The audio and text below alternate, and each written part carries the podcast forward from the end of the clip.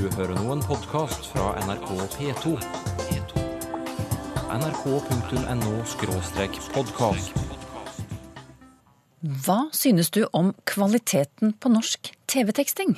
Det har blitt mange flere kanaler, og ikke alle legger sin sjel og all sin iver i at tekstingen skal holde best mulig nivå. Mye dårlig norsk på skjermen, det mener teksterne selv. Og hvordan vil det gå med dialektene våre i fremtiden? Mange unger, og da etter hvert voksne, får en slags nye blandingsdialekter. Lette blandinger. Foreldrespråket eh, i blanding med den lokale dialekta. Kjært barn har mange navn, Tor Erik Gjenstad. Du, et av ordene du skal forklare senere i sendingen, har veldig mange varianter. kubelert, kubilert, kuppelert, kuvelert, kuvinert og til og med gubbelert. Det finnes en yrkesgruppe her i landet som gjør det mulig for deg å høre fremmede språk fra TV-stolen hjemme. Det kan du fordi de som snakker på skjermen er tekstet på norsk, ikke dubbet. Denne uken ble oversettere som jobber med teksting, utnevnt til årets fremmedspråkambassadører. Det er Nasjonalt senter for fremmedspråk i opplæringen som deler ut utmerkelsen, og her er et lite utdrag fra juryens begrunnelse. God underteksting gjør det mulig å sende filmer, reportasjer og andre sendinger på originalspråket, noe som vekker interesse og gjør tilhørerne nysgjerrige på å lære forskjellige språk. Det var Norsk audiovisuell oversetterforening, Navio, som mottok eh, utmerkelsen på vegne av alle i tekstebransjen. Trond Furu, gratulerer. Tusen takk skal du ha. Du, Samtidig som dere får heder for å gjøre fremmedspråk tilgjengelig for folk flest, så mener du at kvaliteten på norsk TV-teksting har blitt dårligere. Og hva legger du i det? Det vil jeg vel kanskje forklare ved å si at eh, det fins miljøer som holder tekstekvaliteten høyt. Men det har blitt mange flere kanaler, og ikke alle legger sin sjel og all sin iver i at tekstingen skal holde best mulig nivå. Så Sånn sett så har vi nå fått en kurve av, av god teksting på, på NRK f.eks., og uh, på kino. Og så har vi da Jo lenger opp du kommer mot satellittene, jo dårligere blir det. Ja, dårligere på hvilken måte? Nei, det er anglisismer, det er engelsk, engelsk uh, setningsbygning, det er engelske idiomer. Uh, og vi ser det mer og mer igjen i, i resten av språkbildet. Når du leser aviser, når du leser hvordan folk skriver til hverandre, så er det plutselig en norsk som man ikke ville kjent igjen for 20 år siden, tror jeg. Kan du gi noen eksempler på det du mener nå? Ja, når dattera mi um, sender en melding på en annens mobil på lørdag kveld og sier at mobilen hennes er ute av penger Altså ut, at mobilen er ute av penger, out of money, det er, det er et engelsk idiom som, som har sneket seg inn i, i språket. Og det er, det er bare ett eksempel av mange, mange, mange. mange. Ja, Men hvorfor blir da 'ut av penger' hvorfor blir det en oversettelse som unge mennesker leser på en tekstet eh, TV-serie? Det er, eh, For å forstå det må man kjenne litt til produksjonsprosessen. Um, bransjen er skandinavisk. Filmer kan bli oversatt til f.eks. svensk. Og så får man det svenske forelegget oversetter det til norsk, uh, f.eks. med en engelsk original. Og f.eks. når eh, det er blitt oversatt fra svensk til norsk med maskinoversettelse, og man får uh, istedenfor penger får man knapper og glansbilder for å sitte og lese korrektur på det, så har man ikke tid til å sitte og rette opp sånne småfeil. Da sklir det gjennom. Og, og blir en del av uh, den norsken som vi nå offentlig da har på fjernsynsskjermen. Hvordan har det blitt slik, da? Ja, altså hoved, Hovedpunktet er at det er nesten ingen tekster i Norge som er fast ansatt. Alle er frilansere. Um, og det vil si at uh, hvis man uh, havner i en, uh, en disputt med en oppdragsgiver om hvordan ting bør betales, så er det veldig lett for dem å finne nye folk. For det er veldig mange som vil prøve. Det er jo ingen beskyttet tittel. Um, alle som vil, får prøve seg. Særlig i en arbeidskonflikt uh, har vi opplevd det mange ganger. Og jeg sluttet vel egentlig å, å håpe på motparten vår Den dagen vi fikk et tilbud om at vi burde bosette oss på Filippinene, for der var levekostnadene såpass lave at der kunne vi leve av den lønna de tilbød. Hvem, hvem var det som foreslo det? Det har jeg ikke lyst til, jeg har ikke lyst til å si hvilket selskap det var, men det eh, kan vel alltids få bekreftet for deg hvis du trenger det. Men da vet du på en måte selv at de, at de tilbyr en lønn som, som, man egentlig ikke kan leve av i Norge. Og hvis man da skal leve av det, så må man jobbe fortere enn det faget tilsier at det er forsvarlig. Eh, for å ta et eksempel, så vet at NRK-tekstet kan ligge opp i si, 150 kroner per minutt film. da. Og da tjener man jo eh, bra nok til å ta seg tid til å sitte og, og, kjenne på valører og slå på ting man ikke forstår, og kanskje mistenke at man kanskje ikke forstår noe, og dobbeltsjekke.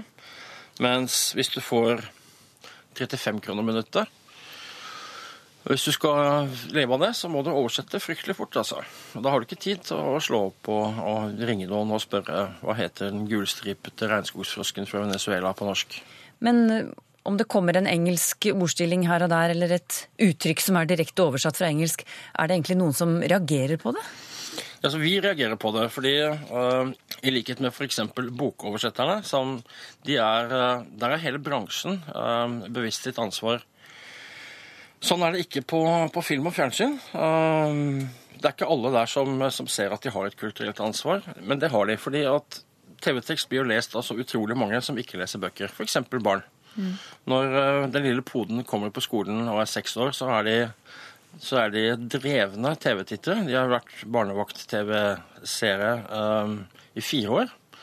Og der har de sett den første skriftlige norsken sin. Og når da norsken er uh, sekunda bare, så blir de aldri stø nok i norsk til å sile ut uh, det som jeg vil kalle ja, la oss det det nye fremmede. Hva vet vi egentlig om hvordan det å lese TV-tekst påvirker eh, språket til barn og unge? Ja, Det er jo en av grunnene til at Navio ønsker seg et, et, fagmiljø som har ansvar for dette her. Fordi vi vet egentlig ingenting. Det finnes én studie i Norge fra Institutt for medier og kommunikasjon, jeg tror det var i 2004, som viser hvor mye eh, TV-tekst blir lest. Det tilsvarer noe sånt som 17-18 romaner i året. Men utover det, selv om Norge er et, et, av de landene som har drevet med teksting lengst, og som gjør det mest, så, så har det aldri vært samlet noe kunnskap om dette. Hvem som leser, hvor mye de leser, hvor mye som er tekstet, hvordan det påvirker språket. Det fins ingen norske studier som viser hvilken effekt den tekstingen har hatt uh, i Norge. Men du, Hvordan skal dere komme dårlig TV-teksting til livs, da? Vi håper jo på et ramaskrik fra det norske folk som ikke retter seg mot teksterne og sier at teksterne er eh, inkompetente, men som retter seg mot de som sier at norsk er ikke noe vi er villige til å betale for. Norsken kan seile sin egen sjø. Det hadde vært fint hvis vi hadde fått et, et fagmiljø, et akademisk fagmiljø som hadde det overordna faglige ansvaret for, for medienorsk. Med f.eks. Et, et semester eller to semesterstudium i fjernsynsteksting. Det hadde vært fint med et politisk miljø som var opptatt av, av norsken i, i, medier. Det fins konsesjonskrav om TV-teksting i, uh, i, norsk regelverk for kringkasting, men det er innskrenket til teksting for hørselshemmede. Det er ingen krav til kvaliteten på tekstingen i konsesjonskravene. Mm.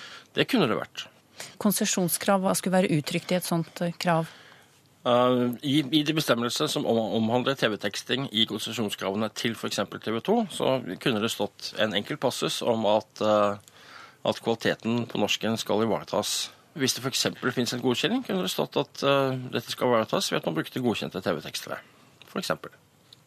Det mente Trond Furu i Norsk audiovisuell oversetterforening Navio. Vi ringte TV 3 en av kanalene som sender mange tekstede serier, men de ønsket ikke å kommentere denne saken. Det gjør derimot TV Norge. Og kommunikasjonsdirektør Svein Tore Bergestuen, hvordan kvalitetssikrer dere de norske oversettelsene på filmene som dere viser? Alle programmer som tekstes, de blir korrekturlest av flere tekstere. Eh, alle tekster gjennomgår også en teknisk sjekk for kontroll av antall ord per linje og tekst i bildet osv. Eh, når det gjelder det språklige, så er jo dette opp til hver enkelt uh, tekster. Jo, men hvilke krav stiller dere som oppdragsgiver til tekstbyråene når det gjelder kvaliteten på de norske tekstene som de leverer?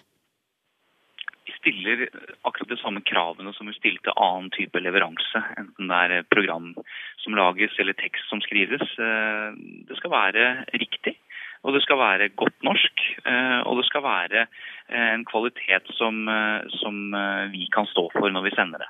Mm. Er det noen hos dere i TV Norge som eh, ser på kvaliteten på de norske tekstene når dere får dem i hus?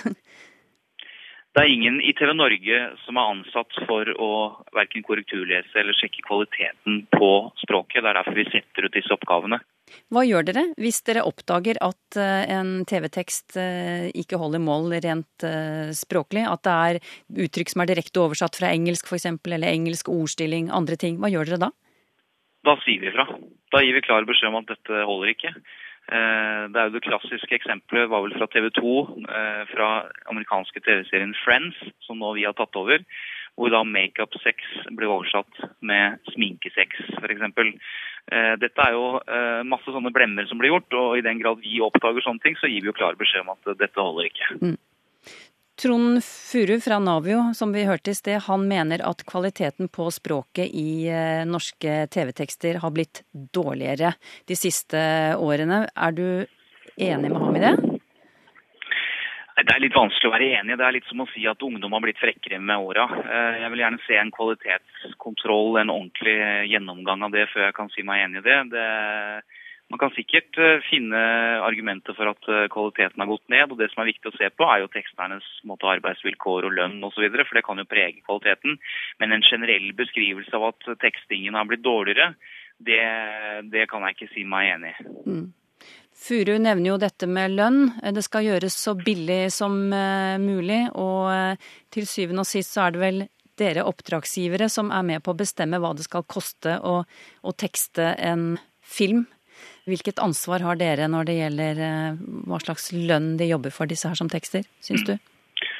Vi har det samme ansvaret som eh, andre eh, leveranser vi får.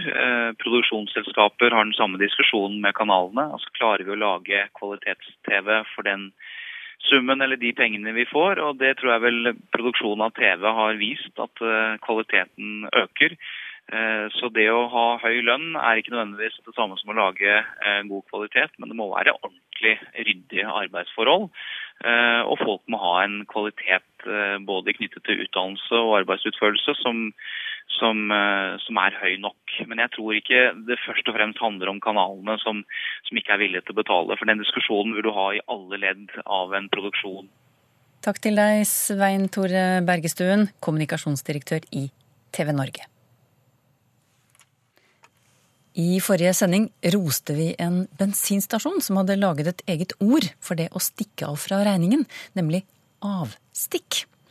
Bensinstasjonen hadde sett seg lei på kunder som fylte opp kanner til gressklipper og lignende for så å forsvinne uten å betale. Grunnet avstikk ser vi oss nødt til å ta betaling på forhånd, sto det på en plakat på stasjonen.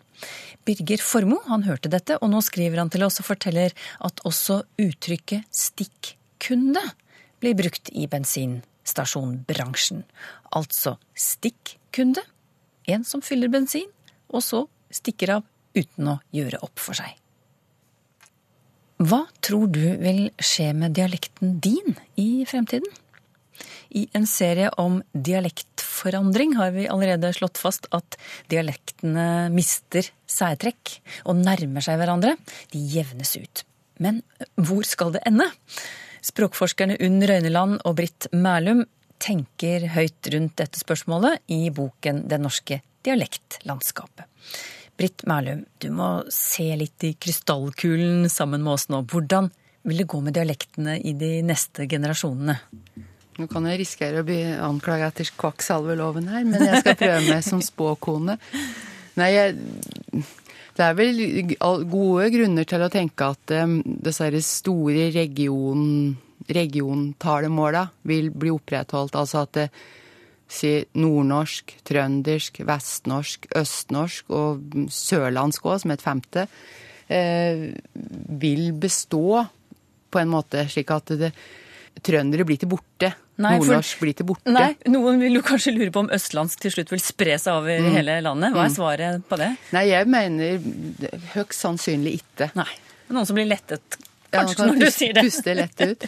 Eh, Nei, for det, det er noe med noen, kan du kalle det identitetsforhold her, identitetsregioner som er, står så sterkt, og det er en slik bevissthet rundt noen slags kulturelle, sosiale forhold som, som ikke lar seg bare utrydde og, og uten videre slik. Og det er sitt såpass sterkt i folk at det, grensa liksom fra det nordnorske over mot østnorsk, er, den, den sperre er ganske så stor.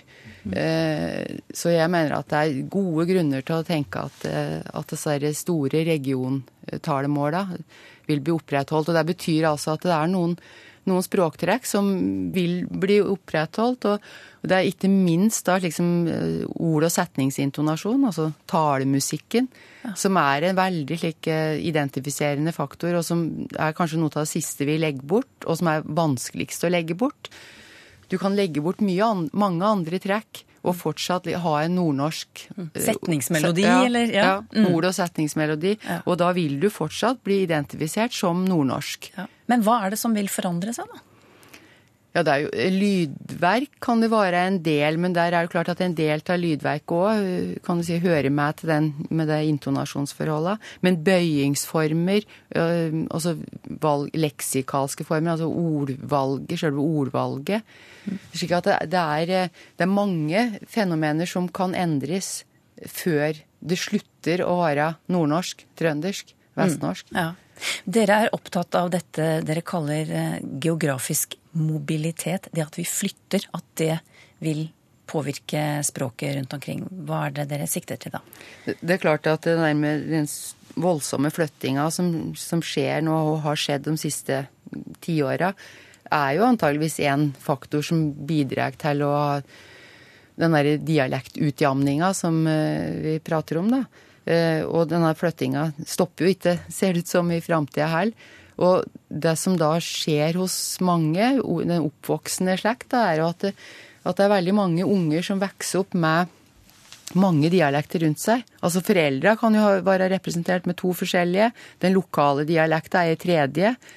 Og, og, disse, og unger da får veldig mange impulser, mange stimuli, og kan jo slik sett tilegne seg flere dialekter som de bruker avhengig av hvem de prater med og hvor de bor hen på det aktuelle tidspunktet. Så hvis du da i tillegg du har foreldre, du har kanskje tre plasser du har bodd, og så er du 20 år, så har du en stor ballast med deg med mange forskjellige språk, som da kan komme til uttrykk i ditt eget språk. da. Dere skriver at eh, den opp, oppvoksende generasjon på et sted hvor det er mange dialekter representert, de, de søker en slags nøytralitet, skriver dere. Fortell om det. Nå har jo flere undersøkelser som har vist der det er stor språkblanding. Det kan gjelde altså helt virkelig fundamentalt ulike språk, eller forskjellige, mange forskjellige dialekter. Så er det en tendens til at folk velger en slags nøytral strategi. Og hva er det nøytrale? Det er det som er spørsmålet da. Og da kan du si at det er i norsk sammenheng kan vi trekke fram tre mulige nøytrale strategier. Da. Den ene er da det standard østnorske som vi pratet om i stad. eh, Der eh, et bokmålsnært talespråk har en funksjon i manges oppfatning som en slags nøytral måte å prate på. En slags allmennorsk. Ja, det er vanlig norsk, vil mange tenke. Og, der ser vi jo også at det er unger som har, lever i en slik kryssild av mange dialekter, har en tendens til å, å støtte seg til dette nøytrale språket. Vi har sett i flere undersøkelser at det skjer. Men en annen strategi, som òg kan oppfattes som nøytral, er å lage seg en slags individuell blanding. Eh, Ta de ulike dialektene som du får stimuli fra, da, kan du si. Som du har opplevd opp gjennom året, eller foreldrespråket, eh, i litt lett blanding med den lokale dialekta. Problemet med den strategien kan være at eh, den vil oppfattes som knot. Altså Folk sier at er, du prater ikke Det er ikke riktig, det er blanding, det er liksom Det er feil dialekt. Men det er en del unger som nettopp får den måten å prate på som en slags lett blanding. Mm. Den tredje muligheten, det er at du rett og slett har flere dialekter å sjonglere mellom. Og at du på en måte holder dem relativt atskilt, men at du, bruker ei dialekt hjemme, f.eks., med foreldra dine. Og så har du ei anna dialekt ute, og det er jo da ofte den lokale dialekta. Slik at du har det vi kaller bidialekt, blir bidialektal. Akkurat som folk bruker ulike språk. Og det kan òg ses på som en nøytral måte, for da tilpasser du deg bare de til enhver tid rådende språklige omgivelser. da. Ja, hvilken, eh, hvilket scenario eh, tror du vi vil komme til å se i årene framover på steder der hvor mange dialekter er? Jeg tror alle tre, faktisk. Altså at jeg tror nok det at den der, dette her, den den store blandinga, er med på, kan du si, en del tilfeller å støtte østnorsk. Ikke nødvendigvis som et helt system, men i hvert fall en del slike standard østnorske trekk da, vinner fram av at de har en posisjon som nøytrale. Men samtidig så er det helt klart at en, mange unger, og da etter hvert voksne, får en slags nye blandingsdialekter, lette blandinger. Eh, Og så er det, tror jeg, atskillig mer vanlig enn det vi hittil har visst, at folk har flere dialekter. Og dette er et litt uutforsket felt, men som det nå blir satt i gang et, et doktorgradsprosjekt på, f.eks. Med folk som har flere si, definerte, helt ulike dialekter. Det skal vi følge med på her i Språkteigen. Takk til deg, Britt Merlum, språkforsker ved NTNU i Trondheim. Nå er det lenge siden vi har snakket om eh, dialektord, Tor Erik Gjenstad. Ja, det kanskje på tide å få med en del igjen. Ja, du, det syns jeg. Her har jeg et eh, brev eh, fra Harald Bone. Han bor i Tromsø. Han har to gamle ord som han bruker eh, innimellom. Det ene er kubulert, og det andre er kavere. Og så eh, har han et eksempel på hvordan han bruker disse to ordene her. Da. Han forteller at i dag sa jeg om en kollega at jeg håpet han var så kubulert at han kunne fikse Det var snakk om et dokument. Det trodde også min samtalepartner, som kunne ha sagt at det kunne han kavere for. Um, Harald Bone vil vite hvor ordene kommer fra, og så må du jo forklare betydningen, tror jeg, Tor Erik. Ja, Uh, kubulert, ja. Eh, det der eh, finnes i mange varianter, og det er vel mest over hele Nord-Norge. Fra lengst sør i Nordland og helt opp til Finnmark. Eh, Og det er slike former som kubbelert, kubilert, kuppelert, kuvelert, kuvinert og til og med gubbelert. Så det, det er en hel flora der av forskjellige varianter.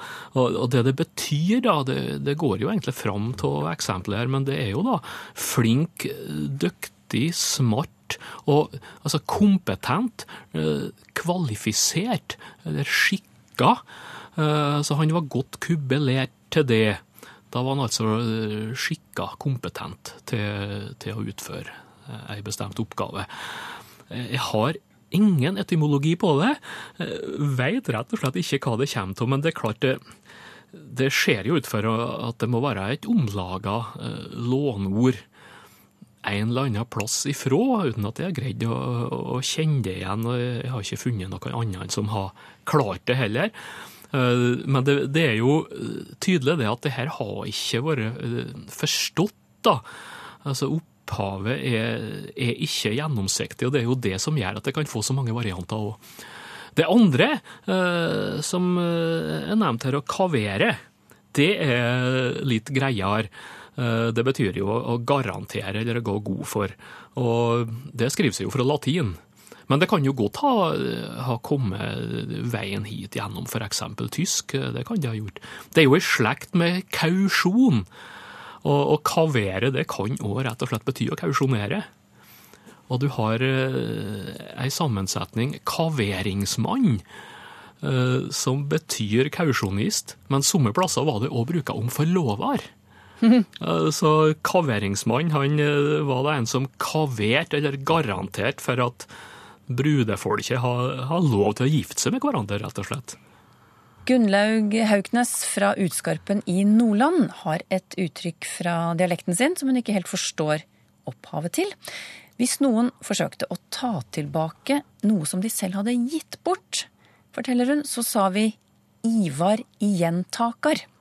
Hun har aldri forstått hvilken Ivar det skulle dreie seg om, og har heller ikke truffet noen andre som kunne gi noen fornuftig forklaring, men det kan sikkert du, Tor Erik Gjenstad.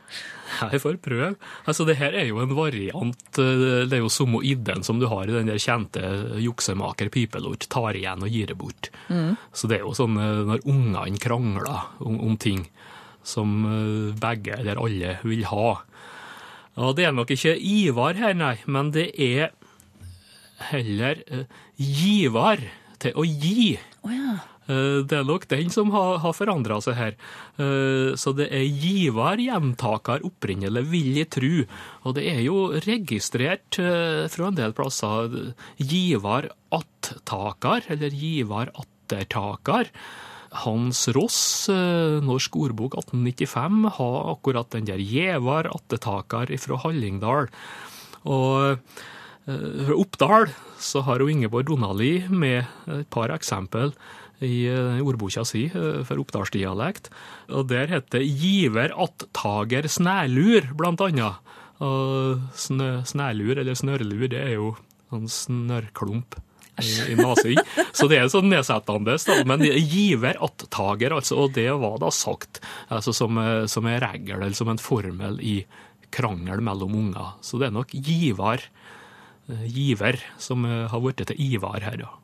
Ja, og flere ord har vi ikke tid til i dag, dessverre. Vi får komme sterkere tilbake neste gang. Slik ble Språkteigen i dag. Neste gang får du høre noe som jeg egentlig hadde lovet til i dag, men bedre sent enn aldri, nemlig om hvordan småbarn skaper sine egne ord. Slik at støvsuger kan bli tukketuk, eksempel, og noen ganger utvikler hele familien et slikt stammespråk. Språkteigen om en uke.